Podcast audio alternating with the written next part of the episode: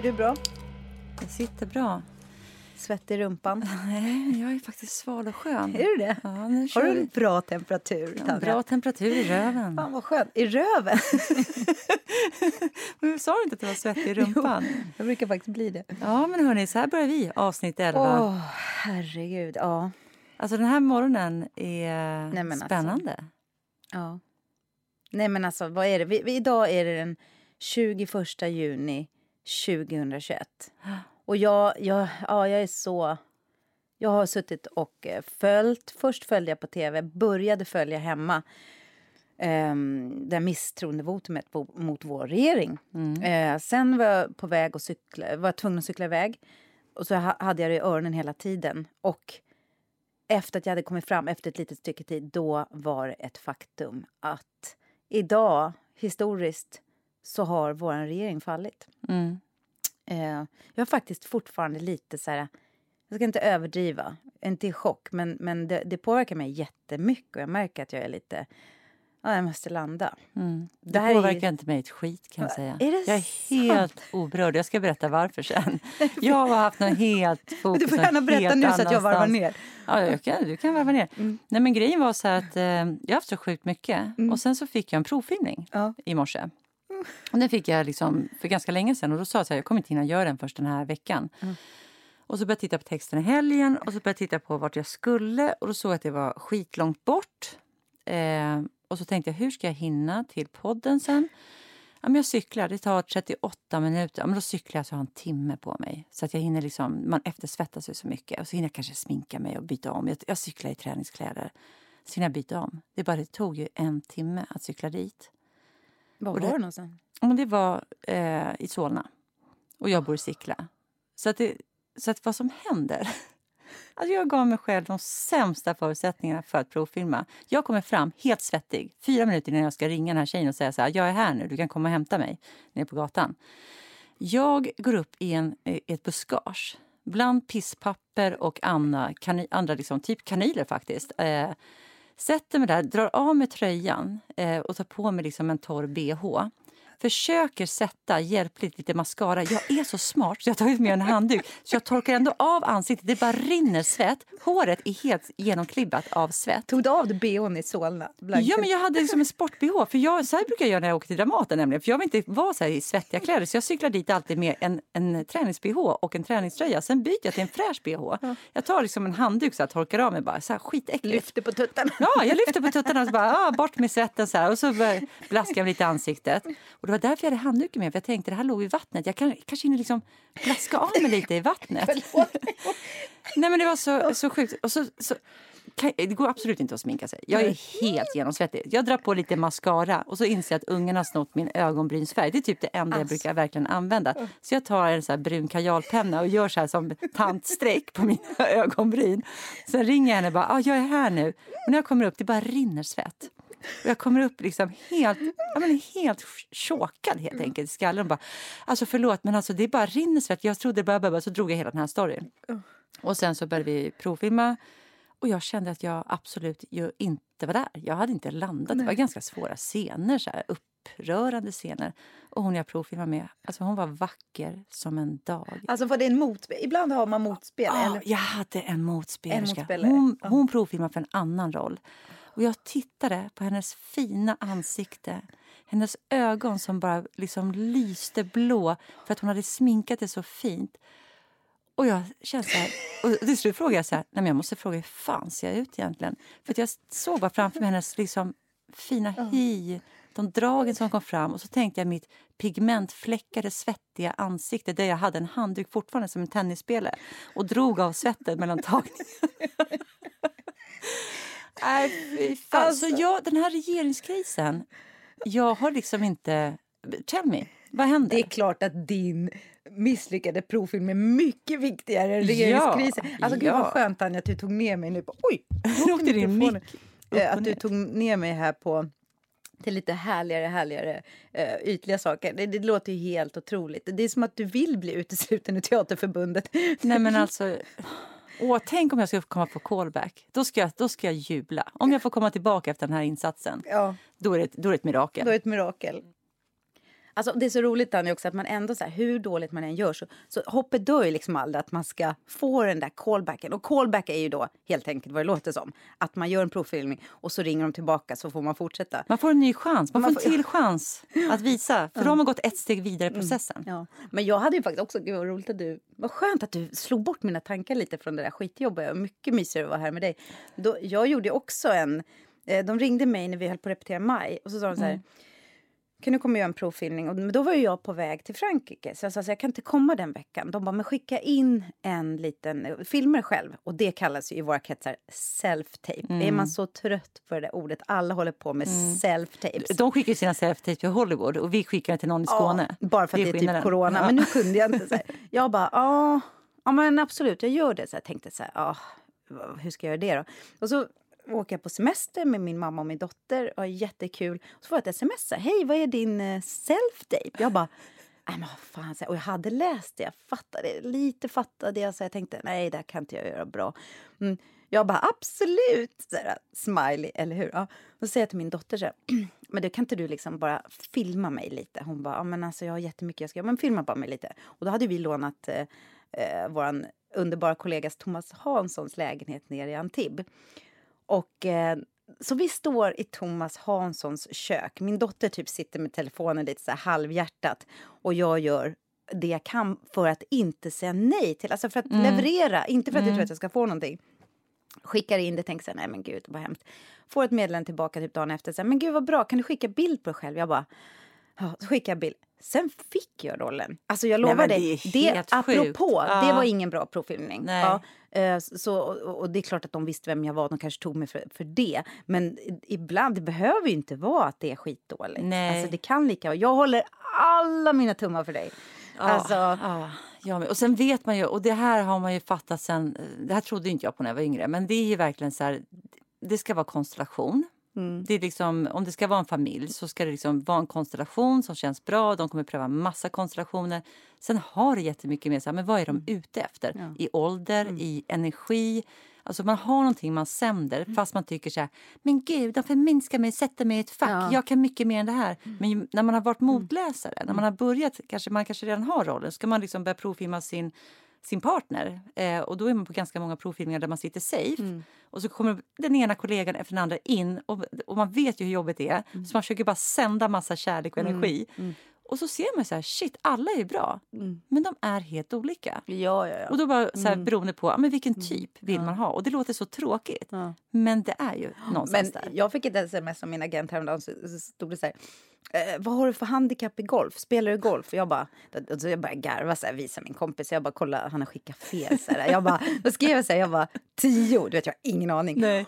Och så gick han tillbaka. Han bara, är det sant? Gud bra. Jag bara, men alltså hallå, eh, det är jag, det är Ellen. Eh, har du Då visade det han, och då, jag bara, jag spelar inte golf. Och då, då kände man på honom, han bara, som att jag liksom skämtar bort det. Så här, jag bara, men jag trodde verkligen du hade skickat fel. Så här, vad fan ska man kunna spela golf? Ja. Men då sa jag till honom så här, jag bara, Tanja spelar golf. Så han bara, ja, ja, ja, men hon har ju en annan agent. Så, ja. så irriterande. Och samtidigt så ringde min agent och frågade och hade fått tips. Spelar du golf? Och då var jag på golfbanan. Jag bara, ja. ja men det är en roll här. Och det kändes ju som att jag bara skulle få den. Ja. För det var ju ingen stor roll, och det var liksom, men det känns ganska kul. Ja.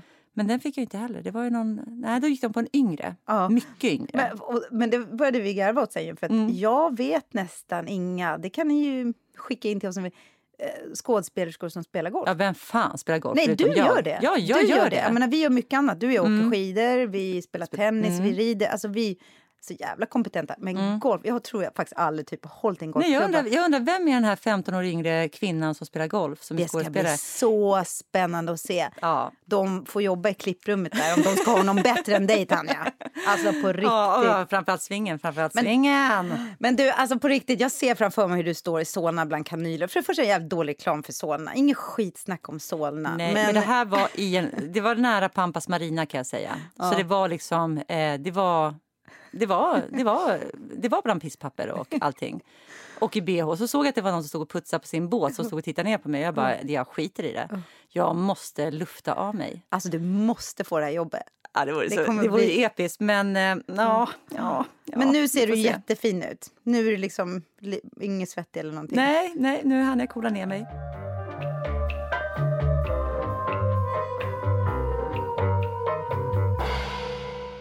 Ja, det är den. Men eh, nu skiter vi mina hängande pattar vid Pampas Marina. Men eh, berätta nu, jag, nu får du liksom uppdatera mig. Vad händer med den här regeringskrisen? Ja, men alltså medan du har stått där bland kanylerna i Pampas så har ju liksom hela landet kommit in i en kris. Nej men ärligt talat, som jag sa, det var otroligt skönt att du ändå eh, kunde komma in med en underbar historia. För jag har varit lite så här, jag förstår inte riktigt varför jag tar det så jag går verkligen all in. Ja. Det började med, vi har ju vetat det i flera dagar att det, att det kan komma ett misstroende eh, votum idag.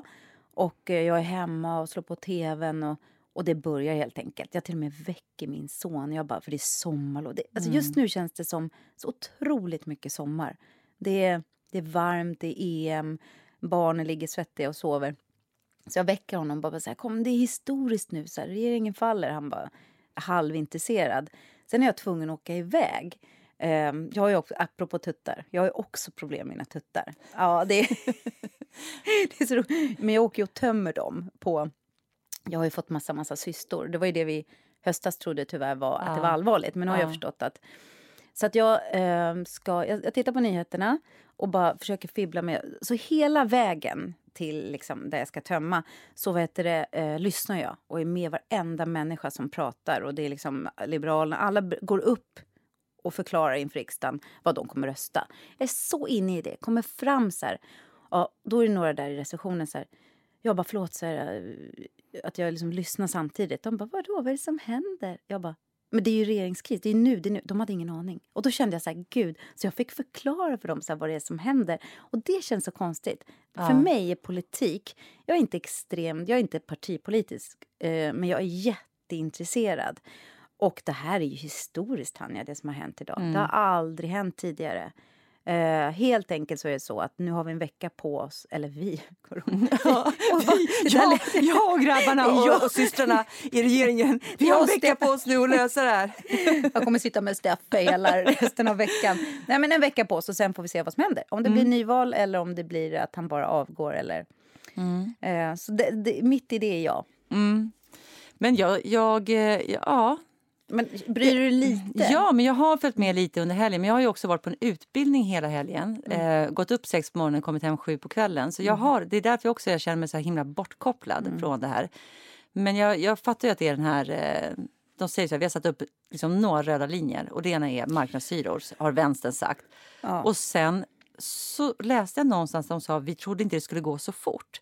Jag vet inte om de har varit 100% medvetna om hur snabbt... Eh, SD var väl första partiet va, som hakade på och sa men då kommer vi eh, också göra det. Och så, kommer, så bara var kort, liksom, började korthuset falla.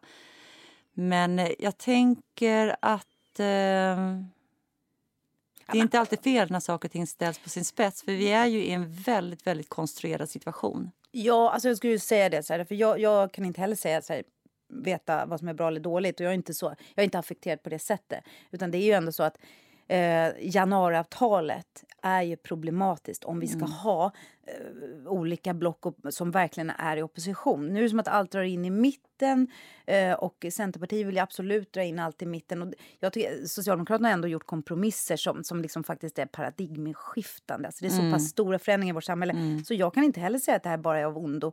Det som är intressant är att alla eh, nu vänder sig mot Vänsterpartiets ledare och liksom hur kunde du, hur kunde Men egentligen är det väl ändå så att Annie Lööf sitter ju på väldigt mycket makt här. Ja. För att, om vi, vi säger de snackar om de här 73 punkterna i januariavtalet som då gjordes för att eh, egentligen bara för att man inte skulle låta SD komma i regeringsposition.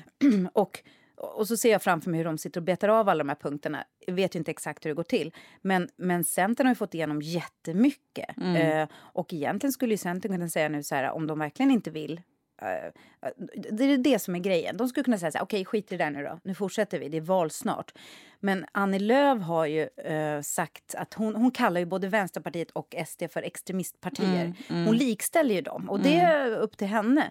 Men det är som att hennes princip om att inte förhandla med extremistpartier faktiskt kommer leda till den här regeringskrisen. Så egentligen skulle jag vilja säga att bollen är Annie Lööfs. Eh, Men alla är ju arga på Stefan Löf. Vad roligt att de heter nästan samma. Löfven heter han.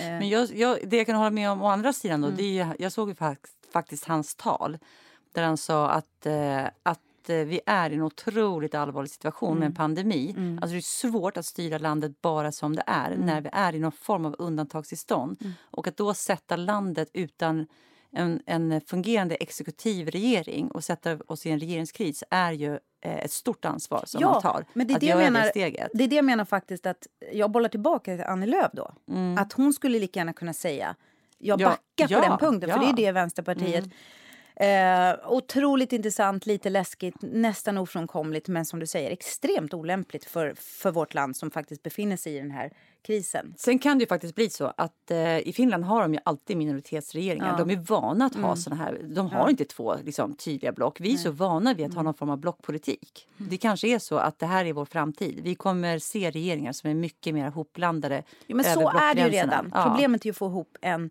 majoritet i riksdagen, att få Mm. igenom sin politik. Mm, Det, var, mm. det tänkte jag på, det var ju så här, kommer du ihåg när vi var, nej men, nej men gud, du var inte med i Washington. Nej, med Ja, Fanny och Alexander. okej. Ja, vi Mm. var på turné med Fanny Alexander i Washington och då var det jättekris just i deras departement i senaten därför att Obama fick inte igenom någon politik för att de andra blockade. Det, Ja. det är det som händer här också Mm. nu. Och det var lite nytt för mig som så politisk eh, faktor. Och då var det nämligen så att eh, han ville spara på saker och det ville inte de andra. Så när vi kom till Washington då hade han bestämt sig för att han skulle spara in på de här eh, guidade visningarna i Vita huset. Så vi fick gå på den sista guidningen i Vita huset.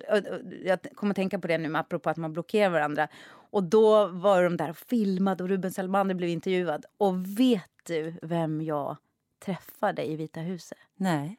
Alltså jag blev faktiskt här, det är en av de få gångerna jag blev starstruck. Vi var på väg in dit.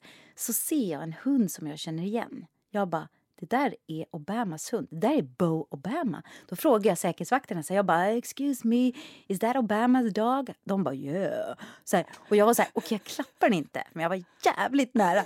Och jag var helt starstruck. Jag hade träffat Obamas hund. Och sen efteråt, sen när vi kom ut liksom i, i, i stan, då säljer de så här hundgodis och allting. Det står så här Bo Obama. Han är sån här portugisisk vattenhund. Ja, Jättegullig. Jag vet faktiskt inte om Bo lever. Vi har inte, inte. Men det var, det var faktiskt en av de mest starstruck ja. som jag har underbart. varit. Ja. Ja, så att, jag menar, så politiken flyger högt och lågt och eh, jag tycker att det är en extremt dramatisk dag för också Tanja. Sist som det var det här, det var ju faktiskt fyra år sedan eh, när vi hade val och det kom inte. Det var den här koalition, alltså, allt det här som du pratar om att man skulle hitta en regering. När de satt med tal, eh, vad heter han? Talmannen är talmannen och, Mm. och, och, och käka kakor i fyra månader. Så jävla irriterande. Det gick ju faktiskt direkt ut över Dramaten. Kommer ihåg att vi väntade på ett politiskt Ja, beslut? ja, vi- För det, vi på hade ingen, budget. Vi hade ingen kulturminister i Nej. fyra månader. Mm. Där vi på Dramaten stod inför en stor renovering. Att vi skulle stänga teatern, när vi skulle byta stammar. Vi kunde inte lägga vår budget helt Nej! enkelt. Så, att, Mm. så jag tror så här, jag, jag älskar politik, jag älskar att se konsekvenser av det men jag vill inte ha en sån period till där vi står utan politiska beslut. Det vill ingen. Nu har ju kakmonstret, han den där äh, talmannen, han har redan sagt så här, "Ja, det ska inte ta så lång tid den gången för jag vet inte fan vad de satt och snicksnackade om. Nej. Eh, ja, taskigt att kalla honom för kakmonster. Nej, men nu är det kakmonstret och eh, Obamas så hund Bo, eh, nu Bojo, eller vad Ja.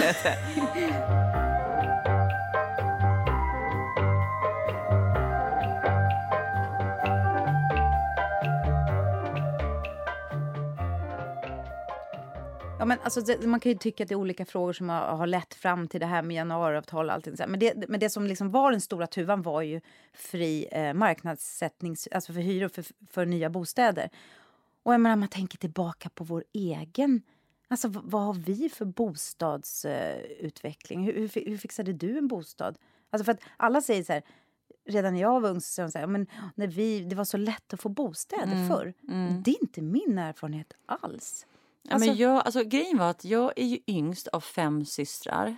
Eh, och mina äldre systrar de fick ju lägenhet bara så här, smock. Eh, Det tog ju en vecka, så hade de en lägenhet. Så var det inte för oss. Men man bodde lite i andra hand. Jag tror min första lägenhet var faktiskt en andra, tredje, fjärdehandslägenhet i Gamla stan. Jättefin liten etta. Hur gammal var du då? 19. Så efter gymnasiet så Efter gymnasiet, du? ja. Ganska snabbt efter. Och sen började jag liksom flytta runt i massa olika andrahandslägenheter tills min man hade en kompis som var eh, vad heter portvakt i, i sin... Det var en privat hyresvärd. Tänk att det fanns portvakter. Ja, vi hade också liksom en gårdsgubbe när ja. jag flyttade in i Och vår. han var ung den här killen, han var bara 25 Mm. år kanske. Men han gick och fixade lampor om det behövdes, lagade någonting. Han var liksom en, en hantverkare. Och då frågade han värden, så här, "Ja, men jag har några kompisar som söker lägenhet. Då fick vi helt gratis ett förstahandskontrakt på en jättefin tvåa i Midsommarkransen. På 55 kvadrat med balkong. Alltså fantastiskt fin. Bara Alltså inte Sådär. ens kö, utan det var liksom bara... Ingen kö, inga svarta pengar, bara en hyresrätt. Sen fortsatte den här resan. Men jag, hur, hur började din resa? Nej, men först vill jag bara säga, för jag pratade med min mamma och pappa om det här då när jag var ung. Och de, för de kom ju inte heller från Stockholm. De var inflyttandes. Mamma från Köpenhamn och pappa från Gävle och Uppsala. De hade inte heller lätt. De fixade också svartkontrakt och liksom så här. Ja, men verkligen, jag kan inte hela deras historia, men jag vet att de sa att det var svårt och de hyrde andra hand och att de eh, och sen till slut då köpte de eh, ett radhus. Men eh, så, så jag kommer mina föräldrar redan sa så här, nej men det har aldrig varit lätt i Stockholm. Så Men varit." för, vet du vad de köpte radhuset för? För det är alltid så intressant. Nej, alltså kanske några hundratusen Ja, max. för det brukar ju alltså, vara så att de säger så att 270 000 så ska man ju komma ihåg att ja, men då var ju det kanske på då 60-70-talet. Ja, och de klart- köpte 71 eller Ja. något sånt där. Och det var helt nybyggt, äh, apropå Ja, men jag tror de låg på så här frihyressättning. 270 000. Det Ja. Och sen så är de värda liksom 7 miljoner idag. Nej, men ja, det är de faktiskt inte. Och sen så Nej. vill jag, mina föräldrar har ju varit så här... Alltså, jag tycker de är lite cool, men de har ju... De flesta har ju liksom betalat av sina radhus och liksom och Mina föräldrar har ju aldrig haft några stora löner, men de har ju ändå velat att vi skulle ha det bra, så de har ju lånat upp till taknocken. så de, Ja, där finns, du fick ut ditt arv i förskott. Ja, liksom. jag, jag får men alltså allt jag har fått göra med tanke Mm. på här, vi sitter och snackar om att vi åkt skidor och jag har åkt på gympaläger så här, jag kan ju tycka Det var så här, radhuset. det var radhuset. jag, jag, jag tycker ändå de var coola i det. Liksom. Ja, det är ju så att det men, men där, absolut, jag, jag kommer inte alls ifrån någonstans där det finns pengar. Men de såg till att det ändå gick att göra roliga grejer. Mm. Jag tycker det är skitbra. Eh, men eh, så när jag då skulle... Nej men gud, jag har så dumma historier när det gäller bostäder. Så att jag, eh, mina föräldrar hade då som såna här 70-talister, de hade ställt mig och min syrra i HSB. Mm. De hade, säkert, de hade inte betalt in någonting, så här, in, alltså det var väl typ 50 spänn om året eller någonting. Men man stod ju i kö. Mm. Eh, och då fanns det precis som nu hyresrätter och bostadsrätter. Och sen så när jag ska gå ut gymnasiet så, jag och min kompis visste inte vad vi skulle göra och vi liksom så här, jag, jag ville ut och resa, hade inga pengar. Och min kompis ville bli jordbrukare. ja. Och så hade vi varit på syon och hämtat några små broschyrer med jordbruk. Eh, och sen så sitter vi uppe i mitt rum. Jag kommer ihåg det som om det var igår. För det var en sån här varm dag också. Det måste ha varit i juni. Och eh, så vänder vi på den där eh, jordbruksgrejen. Då står det kibbutz. Kibbutz Israel. Vi bara, fan det här har jag läst om i Kamratposten. Så här. Ja, det här. Vi bara, vi åker, och det står det så här också, det behöver inga pengar. Det där. Vi åker till kibbutz. Det är perfekt, då kan vi ha kul. Och eh, det ville jag göra. Jag hade inga pengar. Då, och jag bråkade med mina föräldrar, de tyckte jag skulle De åka. bara, nej vi lånar lite till där på radhuset. nej, det var nej, fullt. nej, nej. Alltså, Radhuset var intecknat redan. det var, det var fullt. Nej, men jag, och, eh, och sen så, så... Jag vet inte alltså, så här, vems idé det här var. Jag tror att jag var sjukt jobbig, men jag har ju också irriterat mig på att mina föräldrar lät mig göra det här. För då gjorde jag så, då sa de så här, jag hade typ 2500 kronor på HSB. Och det ligger ju där i Kungsholmen fortfarande, det stora huvudkontoret. Varpå jag går upp det kommer jag också ihåg. Jag förstår inte. Antingen så var det jag som var dum i huvudet eller så var det faktiskt mina föräldrar. Men de skyller på att jag var ostoppbar. Men jag kan ju stoppa barn med en knytnäve. Varför kunde inte de göra men, men då gick jag upp dit och sa så här, ja, hej, jag vill avsluta mitt konto och ta ut mina pengar. Ja, så och då har du tog ut- stått där sen när du typ var barn? Ja, Är två- bebis? Jag hade stått i kö. Men vad fan sa inte HSB till mig så här? Ja, du är en idiot. Du Nej, får- inte bara det. De kunde säga okej, du får dina pengar. Alltså, men, men det kanske bara behövs 75 kronor för att stå kvar på kö i alla fall. Ja, Alltså förstår du? Ja. Jag gick ur kön och herregud. åkte i och för sig på min livs bästa resa. Jag är evigt tacksam. Eh, men där åkte jag ur min första bostadskö. Och då hade du såklart inte stått i den kommunala. Fast där får man ju Nej, ändå inte ställa alltså- sig förrän man är 18. Nej, men grejen är också så här, det där har ju du säkert gjort med dina barn. Och det är också så här, jag vet inte, men när jag fyllde 18 så var det ingen som sa till mig att det fanns en kommunal bostadskö. Det var ingen som ställde oss i den. För jag tror man behöver hjälp med sånt från föräldrar. Mm. Det är det, mm. apropå, det är det som är så orättvist med vad man har.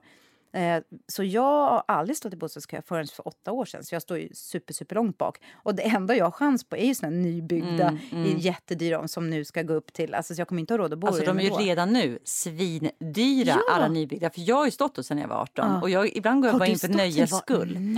För att titta vad, vad kan jag få egentligen? Och då ser man alla de här nyby, nybyggda ja. kan jag få när som helst. Men de kostar ju så 15 16 000 i hyra. För en etta ja, eller hur? Ja, för en, en tvåa kanske. Liksom. Nej men det svindyrt. Mm. Och, så, och då ska de vara ännu dyrare nu. Mm.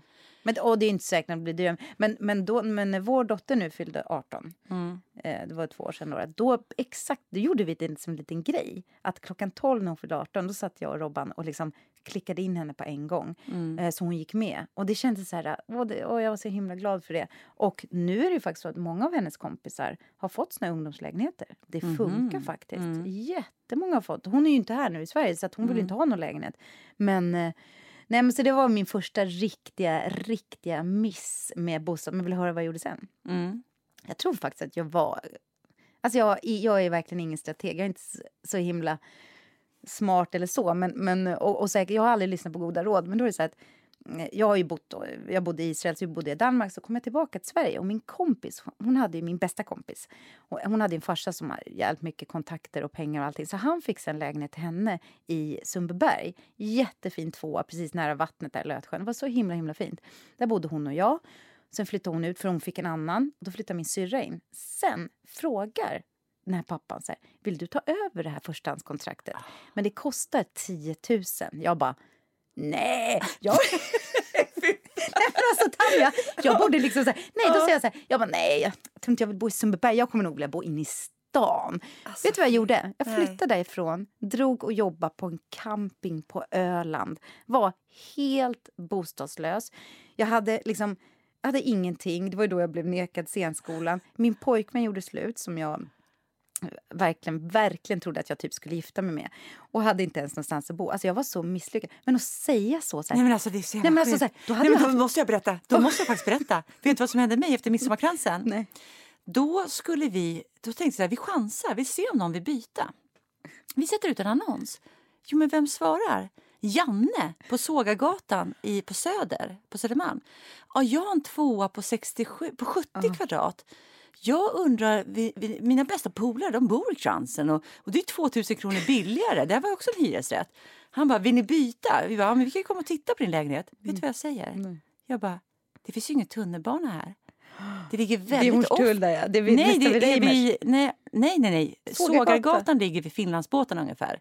Den ligger nej. vid Danvikstull. Nej, Sågargatan ligger vid Hornstull.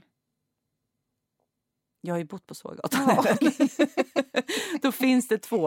Nej, ja. nej, jag, alltså, lyssna. Nej, nej, du har rätt. Ja, men lyssna, vet du vad, den här tvåan, jättestora rum i fil, utsikt över de här träkåkarna. Man såg körsbärsträden, det var en stor björk och jag var lite så här jag vet inte fan alltså. Det finns ingen, finns ingen tunnelbana. Hur fan tar man sig inte, liksom, hur tar man sig ner? Det är lite off här va? Det var det bästa som var sen, att det inte fanns någon tunnelbana. Vi fick sitta i förhör flera gånger med de här bostadsbolagen för de var ju säkra på att, vi, alltså, att det var 200 000 kronor emellan. Mm. Han bara nej, nej, nej, jag vill inte, så där, det där gillar jag inte, sådana där skumraskaffärer. Det här ska vara ett rent byte. och jag var nära och gör precis som du och säga så här, nej, nej, jag tror jag vill ha något bättre. Så alltså, vi bytte bara den rakt av. Men det är helt mm. otroligt. Men, men nu vet jag vad Sågagatan är och nu ska ja. ni ju bygga en tunnelbana där. Vad roligt. Ja, det kommer ja, en tunnelbana. Kommer komma en men alltså vilka Sofia. dumma så, alltså Jag har gjort så dumma grejer vad gäller bostadsgrejer. Så att, eh, men vi får, väl, eh, vi får väl berätta sen hur jag... Nej men jag... Ja. Ja, men en sak jag måste bara säga innan vi avslutar den här bostadsresan. Jag tycker ändå, är det någonting ett samhälle ska göra, jag tycker att det är en värdemätare på samhället, det är någonstans att ha kontroll över bostadspolitiken och bostadsmarknaden. Jag tycker man kan ha en kombination av privata hyresvärdar, bostadsrätter, hyresrätter. Men det är någonting, det enda som, om du inte har kontroll på hyresrätter mm. och att om du inte har kontroll på att du bygger billiga hyresrätter, då sätter du alla ungdomar i skiten, alla människor som har liksom inte mm. ett bra liv. Jag tycker att bostadspolitiken är helt underskattad. Jag tycker att det är en av våra viktigaste instrument för ett värdigt samhälle. Ja, men verkligen. Så jag, det, det som händer idag kanske kommer leda till någonting bra. Jag hoppas det.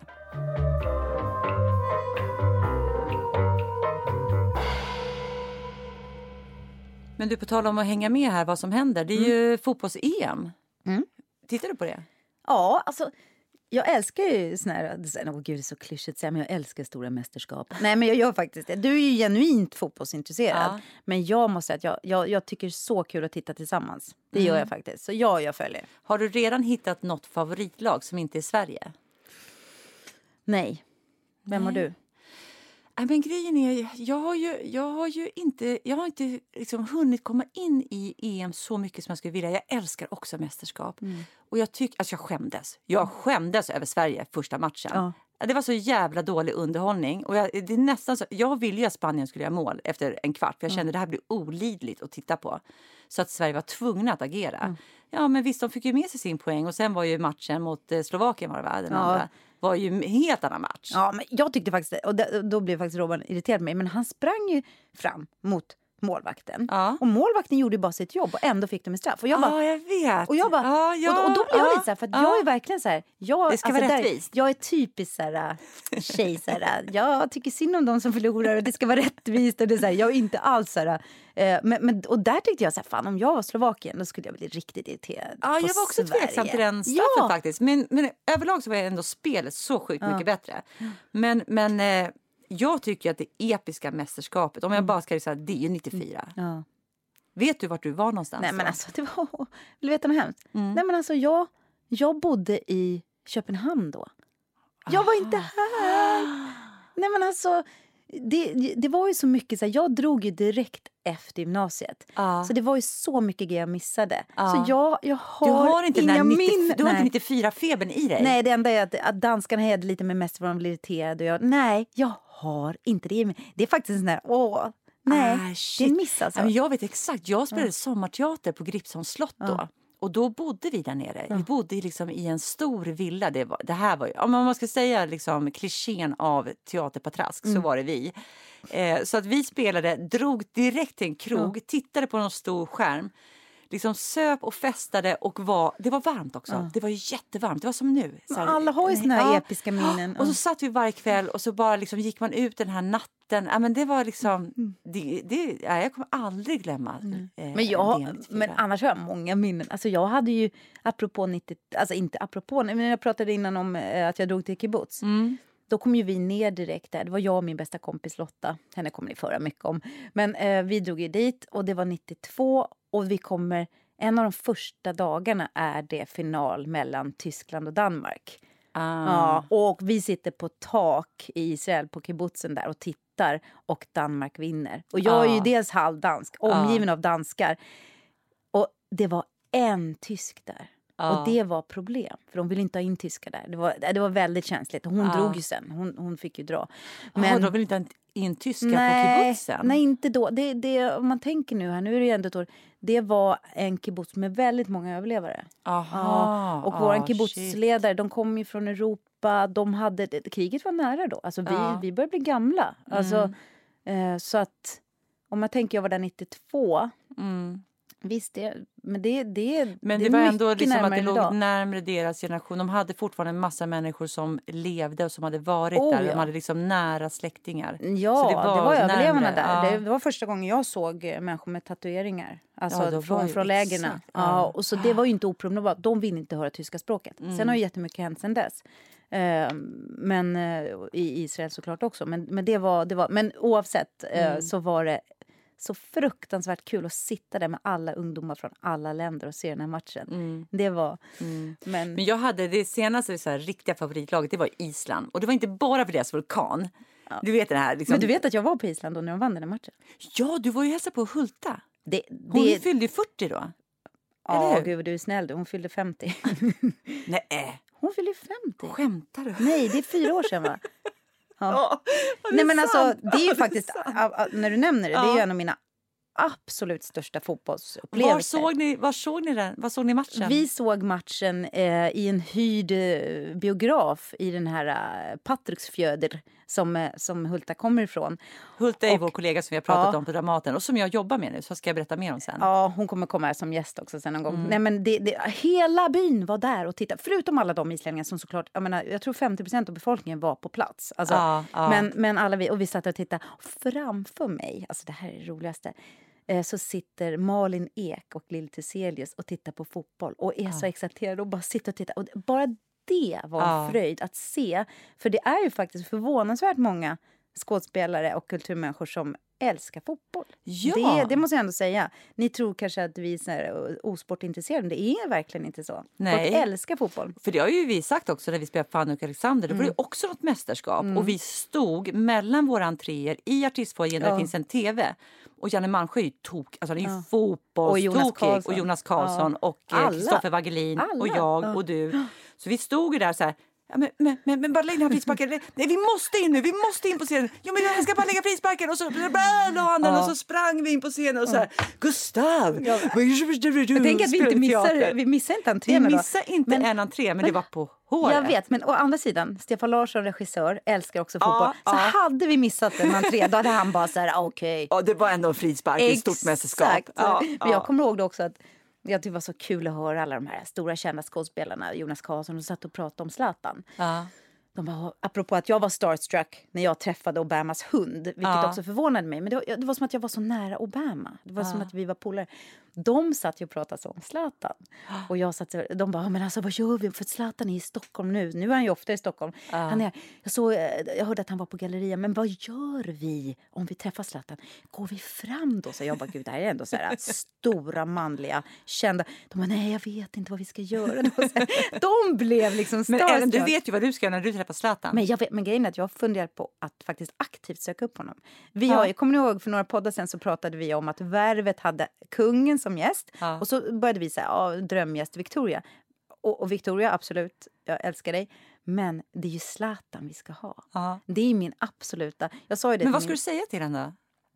När du bjuder in, när du bjuder in honom till nej, vår podd? Nej, grejen är så här, hans ungar tränar ju på min gata. Mm. Mm.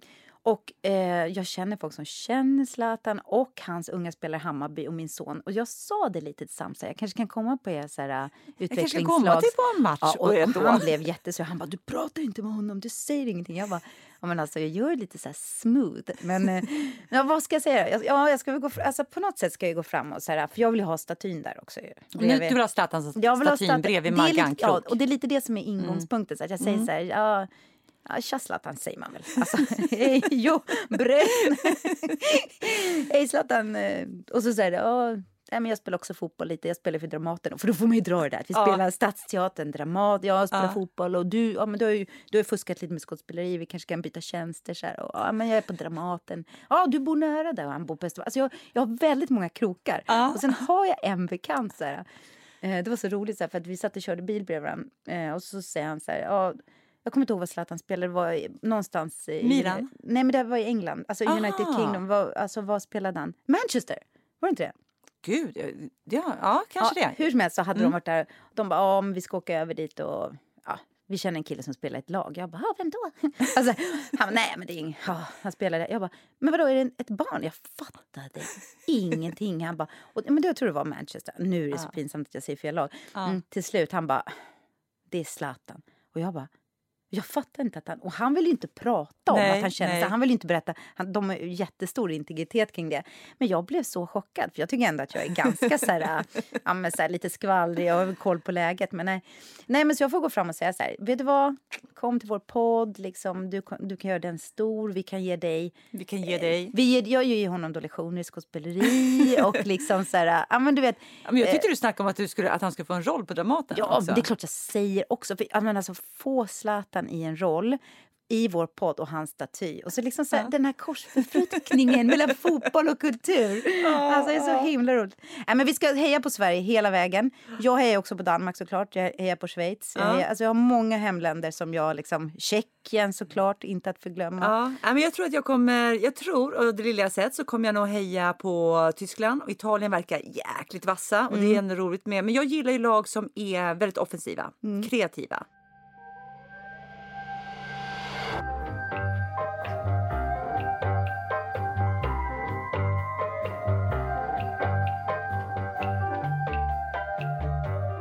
Något annat som verkligen har varit på tapeten den här veckan och som berör oss och som kan få konsekvenser eh, och som verkligen har kommenterats mycket på våra kultursidor det är ju den här kulturanalysen som har eh, beställts.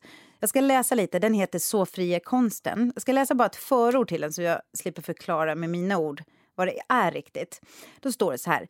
Myndigheten för kulturanalys har fått i uppdrag av regeringen att göra en översyn av den kulturpolitiska styrningens effekter på den konstnärliga friheten. I enlighet med uppdraget behandlar utredningen den kulturpolitiska styrningen på samtliga politiska nivåer. Den statliga, den regionala och den kommunala. Um, på region, ja, det är väl det. Alltså, mm. Om vi ska hårdra det, vi kan mm. förklara lite själva också. Så um, helt enkelt ska det utredas och försöka genomlysas hur, hur fri, fri, är, är konsten? konsten? Ja. Och den frågan är otroligt re mm. relevant för oss. Mm. Vad, vad, tänker du? Jag tänker ju att konsten har blivit mer ofri. Mm. I och med att det har funnits så tydliga... Alltså, när man tittar på det, och det här vet ju vi för att vi jobbar i men om man inte jobbar i kulturen så kanske man inte förstår hur styrd den är och på vilket mm. sätt den styrs. Mm. Men i och med att pengar fördelas till olika eh, fria grupper, om vi bara håller oss till vårt ämne, mm. teater, vår bransch. Då delas det ut pengar utifrån vissa kriterier är det, det finns ju så här, ja men är den, oh, nu har inte jag alla begreppen, men är den inkluderande, mm. eh, har den ett barnperspektiv, mm. vänder den sig till olika eh, befolkningsgrupper? Mm. Det finns massas parametrar som gör att om du bockar i de här rutorna, så att du kryssar dem, så är det mycket större chans att du får pengar för ett projekt. Vilket gör att då behöver du ju vinkla ditt projekt, antingen göra ett projekt som på riktigt omfattar det här eller faktiskt börja då styra. Du har tänkt göra något helt annat. Det räcker inte att göra bra teater. Mm.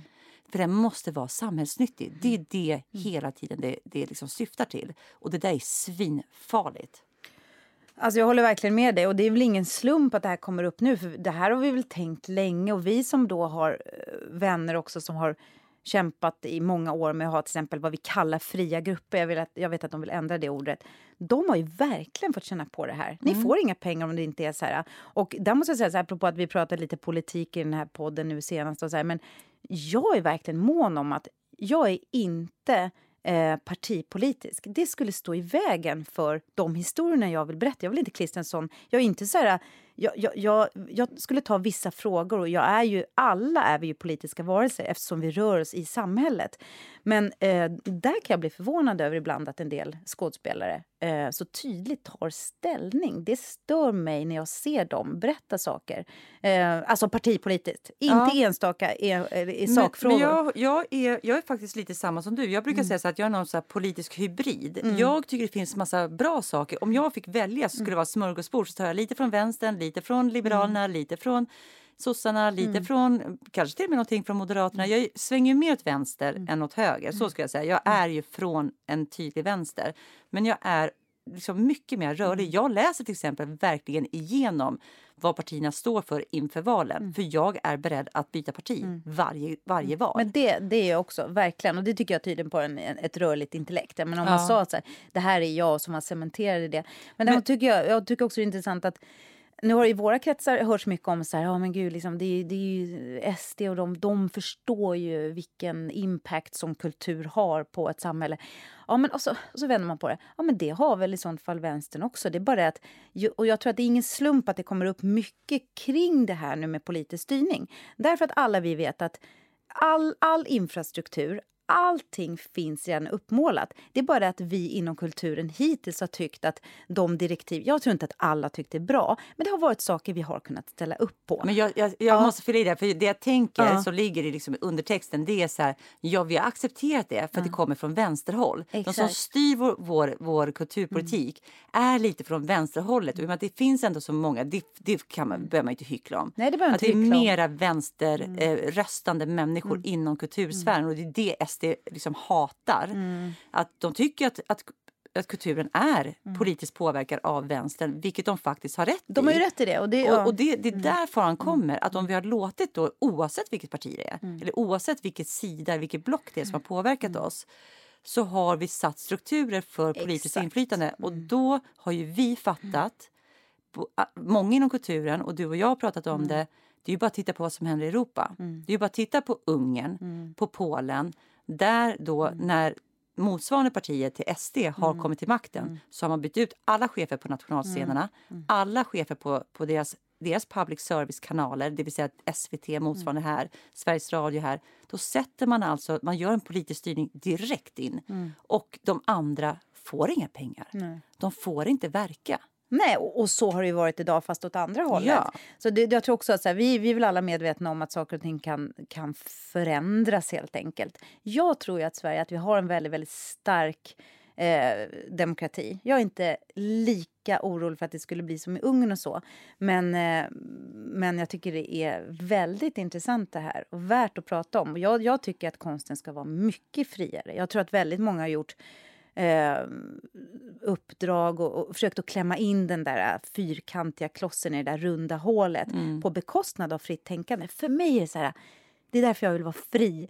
Jag, alltså, konsten är liksom själens infrastruktur. Det är den som ska förlösa oss. Jag kan tänka, det finns inget gott och ont i konsten. Det finns inget höger vänster, det finns inget rätt och fel. Så fort man börjar tänka så, då begränsar man sig. Och, och det pratar vi alltid om. Så gud, man speglar liksom det onda i, i sig själv. Men vi har hamnat jättemycket också i så att, att vi säger liksom, alltså, jag menar att, att egentligen så har vi också drivit till så här, att, att eh, teatern ska vara samhällsnyttig. Ja, alltså, någonstans ligger det.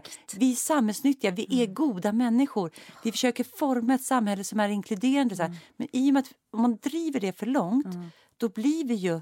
Alltså då, då, är, då ska vi plötsligt bli en institution som ska göra nytta för samhället. Ja, det ska och som vi ska Vi gå i politikernas ledband. Ja, vi ska ju vara liksom nageln i ögat. Vi ska ju det. vara de upproriska. Vi ska vara som, pinnen i arslet på makten. Ja. och då är det svårt. Oavsett vem som sitter på makten. Och 74 års kulturproposition, där de faktiskt Mm. liksom verkligen, den som är så världs, alltså världsberömd, så otrolig känd i Sverige. Mm. Då var det ändå lite så. Socialdemokraterna hade pengarna, delade ut Mm. till vänstern. Alltså det var ju, och, och de blev ju irriterade på vänster, apropå vi pratade om tältprojektet Ja, förr. Det gick ja. ju för långt också. Ja. Och Tyckte blev de det, då? Ja, där blev det till och med väpnad alltså, Ja. konflikt. Så här.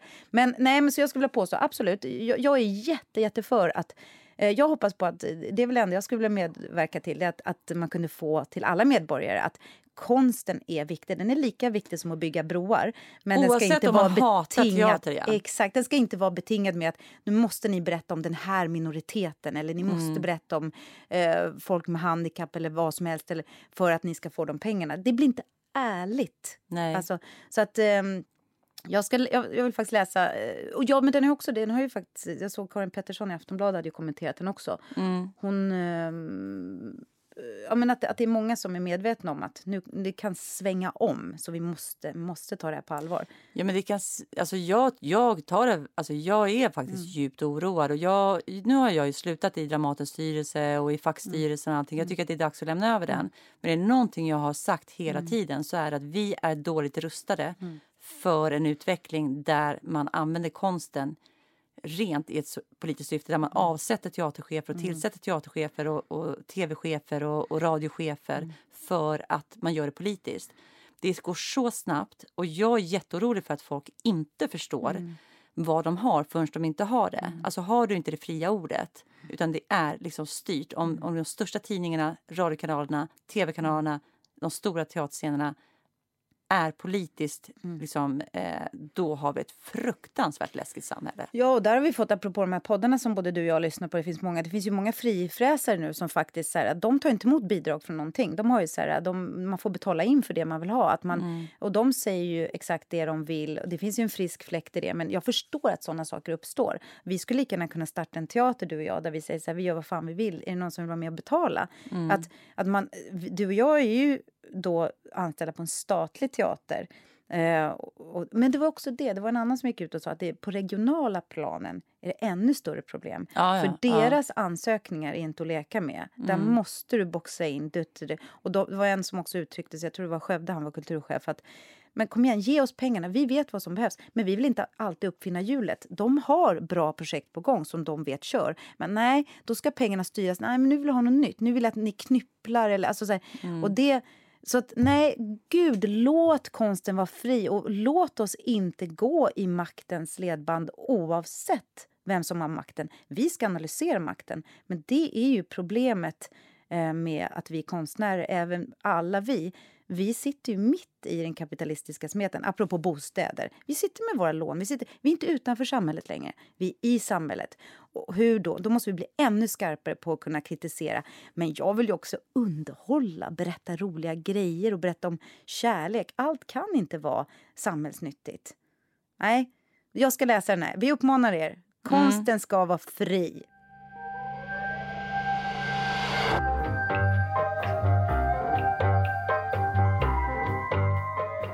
Ellen, eh, vet du att du ska flytta ut ur logen? Men gud, och jag tänkte på det när jag kom... Nej men åh, ja. Men vad är det här? Jag he... Har, för jag visste så här, läser hon mejlet? För du har inte sagt Nej, något om så här det. är det. det. Är klart att jag, du, ni vet ju att jag inte läser mejl särskilt ofta. Alltså det är Nej. verkligen så, om det är något, kanske om det är något som är fördelaktigt för mig själv. Men så Ja. fort det är tråkigt, Ja. då gör jag, Och det här var ju ett tråkigt mejl. Eh, nej men herregud, vi ska flytta ut ur vår loge. Nej, jag ska vara kvar. Va? Ja. Va? Nej, men så här Ska är det. du- Jag ska vara med i en föreställning som heter Liv, död, sex, pop. Och den är ju fem stycken som har funktionsvariationer, varav tre sitter i rullstol. Och vi har ju sagt det här flera gånger, kommer någon som behöver de här logerna, för de är ju närmast stora scen, det är inga trappor, du rulla kan ut. rulla. Ja. Så att jag ska dela loge med Kristin Bylund som ska vara med i den här föreställningen och som sitter i rullstol som behöver. Så de håller på att bygga om till en handikappstoalett. Eh, jag var i logen Men vadå, varför ska inte du följa med mig dit jag ska? Nej, jag är, Varför jag är då? kvar. Nej, men jag tänker att det kan vara mysigt. Vi är med i samma föreställning, hon och jag. Eh, så att jag är kvar och du flyttar ut. Alltså, och det- sen får du komma tillbaka, gör Ellen såklart. Men, alltså, men vart ska jag då? Förresten var det någonting om att vi skulle tömma den. Ja, ja. Ah, alltså vi jag ska, inte hunnit det. Och det är för att de ska eh, handikappanpassa den. Vad är alla våra grejer nu? Nej, men jag bad Maria Edvall på Scenens byrå att bara ställa dem i bokhyllan. För att jag hade också, alltså jag, som jag sagt hundra gånger nu, jag har haft så jävla mycket så jag har sett det här men inte riktigt läst det.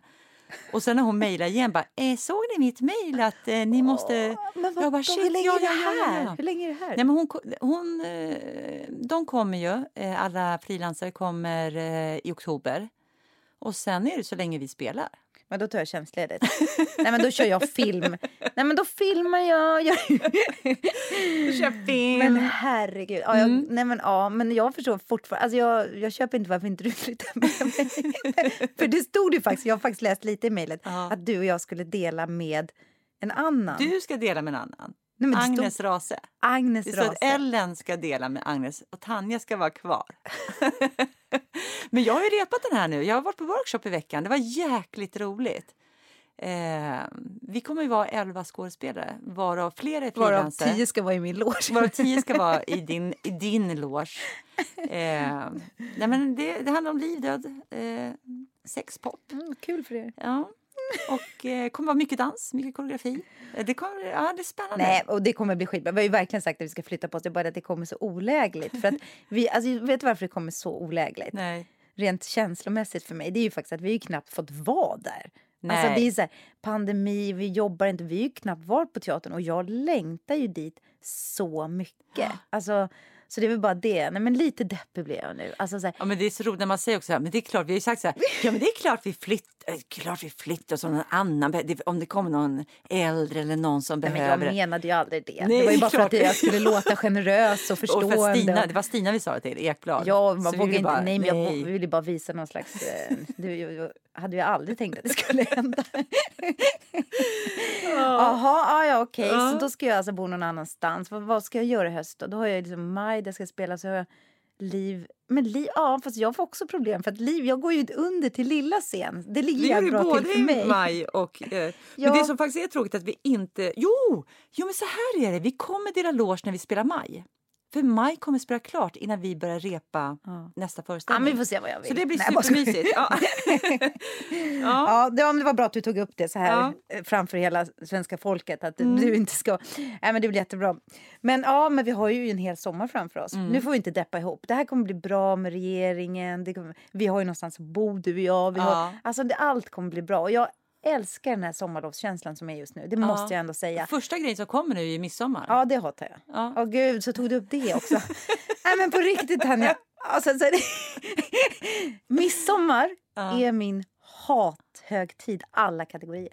Varför det? Nej, men, varför det? Därför att Alla andra är på något Ja. underbart ställe Ja, i riktigt. skärgården, Nej, i något alltså på fint, på något fint sommarställe och själv sitter man kvar som the leftovers. Men alltså på riktigt, om du visste vilka miserabla midsommaraftnar jag har firat i mitt liv. Alltså jag tror inte du förstår. Jag har suttit på Skansen när det har regnat, jag har liksom jobbat, jag har suttit, jag har varit i Vita bergen. På, nej men alltså så här är Ja. det.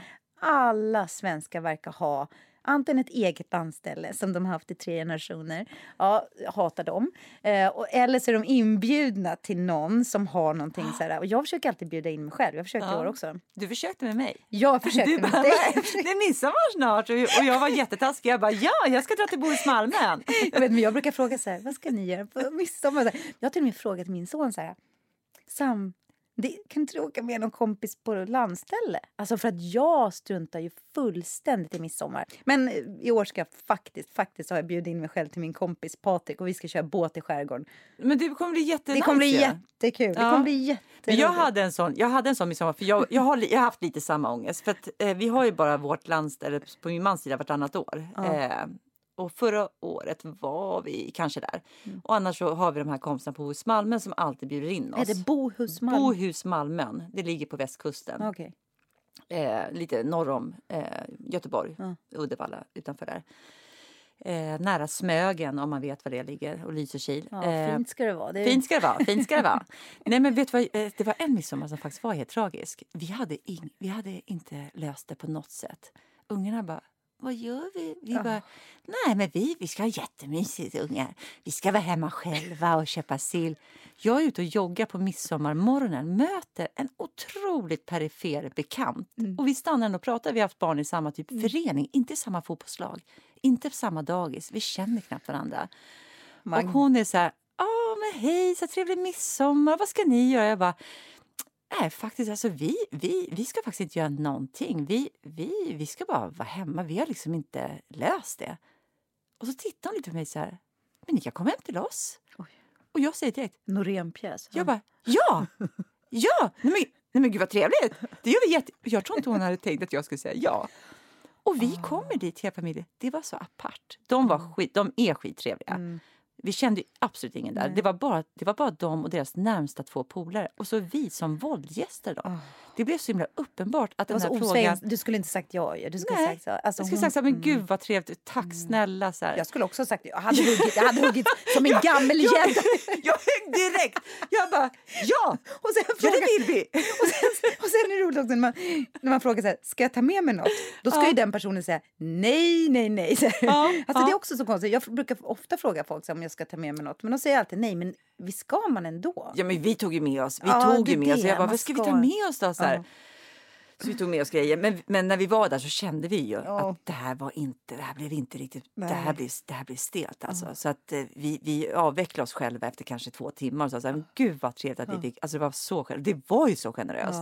Men vi kände också så här, det var inte riktigt. Jäklar vad Det de var- pratade om er när ni gick. Ja, det de, måste vara så här, jag hur trodde, kan ju och de här hennes man människorna var, hit? Det roliga är att hennes man var så här, så här vad fan ska du bjuda in folk hela... Du, du känner så här, Varför jag bjuder trodde folk inte som att du de inte känner, varför du tycker synd Nej, men jag trodde inte de skulle säga ja. Det skulle Ja. jag säga. Nej, gud vad roligt. De, de var så här nära att skilja sig Ja, efter att du ja, tackade ja. ja. Nej, men jag hatar, hatar midsommar. Men nu är jag så tacksam över att eh, jag ska köra båt med Patrik och vi ska åka ut till Sandhamn. Jag, jag, gör- alltså jag anstränger mig verkligen för att det ska bli bra för mitt, för mitt barn. Men ska ni vara på Sandhamn? Ja, men alltså inte på själva, två dagar innan Sandhamn.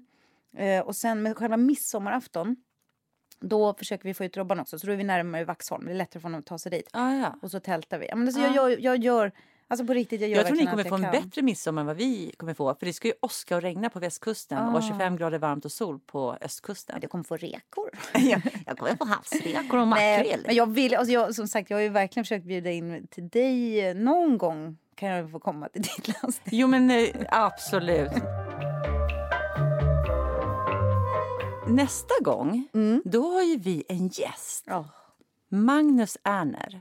Han jobbar på Dramaten, har jobbat där, nu är ju bara höftiga, men Mm. jag säger, han kommer ju från fria, fria gruppteatern. Han började när han var väldigt ung. Ja, och sen har han varit på Dramaten i väldigt, väldigt många år. Och jag, han är en av våra favoritkollegor. Jag tycker han är så Verkligen. trevlig och rolig att Ja. jobba med. Alltså det ska bli så spännande att prata med honom. Ja. Han har precis gått i pension ska sägas. Ja. Och så är han anställd igen. Vi är tvungna att gå precis som alla andra när man är 67. Nu är han på så att säga kontrakt Mm. och är med. Våra, han är, spelar med i många föreställningar på Dramaten just nu.